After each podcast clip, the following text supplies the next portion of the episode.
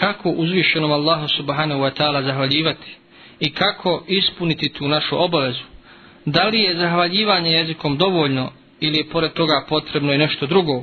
Naravno, zahvaljivati jezikom je i naređeno, međutim, takva zahvala nije dovoljna, jer uzvišeni Allah subhanahu wa ta'ala od nas traži da svoju zahvalu potvrdimo dobrim djelima, odnosno pokornoću Allahu subhanahu wa ta'ala.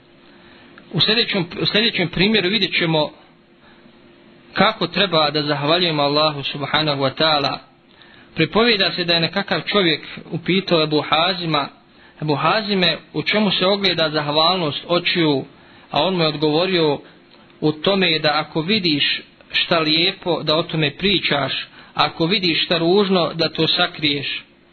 A on ga ponovo upita u čemu se ogleda zahvalnost ušiju, u tome da ako čuješ kakvo dobro, da ga zapamtiš, a ako čuješ kakvo zlo, da ga odbiješ i prođeš kao da ga nisi ni čuo.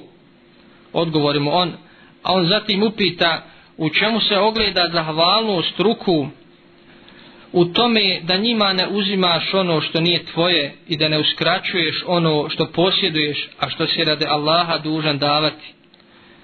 Zatim ga ponovo upita u čemu se ogleda zahvalnost stomaka, a on mu odgovori da mu na dnu bude hrana, a na vrhu znanje. A u čemu se ogleda zahvalnost stidnih mjesta, upita, a on mu navede kuranski ajet koji glasi u prijevodu značenja i oni koji svoja stidna mjesta budu čuvali, osim sa ženama svojim ili sa onima koje su u vlasništvu njihovu.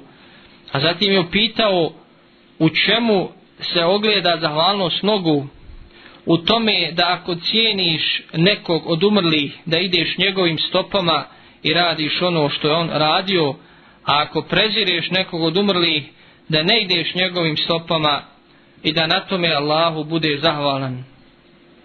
Znači onaj ko ovako postupa, ko svojim dijelima i svim svojim organima Allahu zahvaljuje, on je uistinu zahvalan, za razliku od onoga ko zahvaljuje samo jezikom. Nažalost, danas većina ljudi se ograničava samo na to da jezikom Allahu zahvaljuje.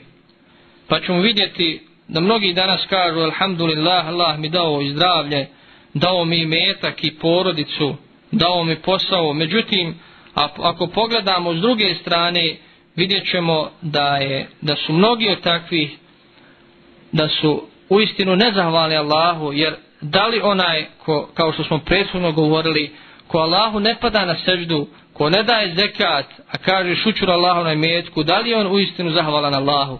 Znači ono što je najbitnije jeste da Allahu zahvaljujemo dijelima. To je najbitnije, pa makar, makar izostala zahvala jezikom. Jer uzvišeni Allah gleda najviše na zahvalu dijelima. Po jednom kuranskom ajetu kaže, obraćajući se, E, Davudu i njegove porodici i'malu ala Davude šukra. To jeste činite radite porodicu Davudova šukr. To jeste to potvrdite vašim djelima. Onaj ko zahvaljuje samo jezikom on je sličan onome ko ima odjeću ali je ne obuče već, je sam, već se samo njenim krajima zagrne pa se njome ne može zaštititi ni od toplote ni od hladnoće.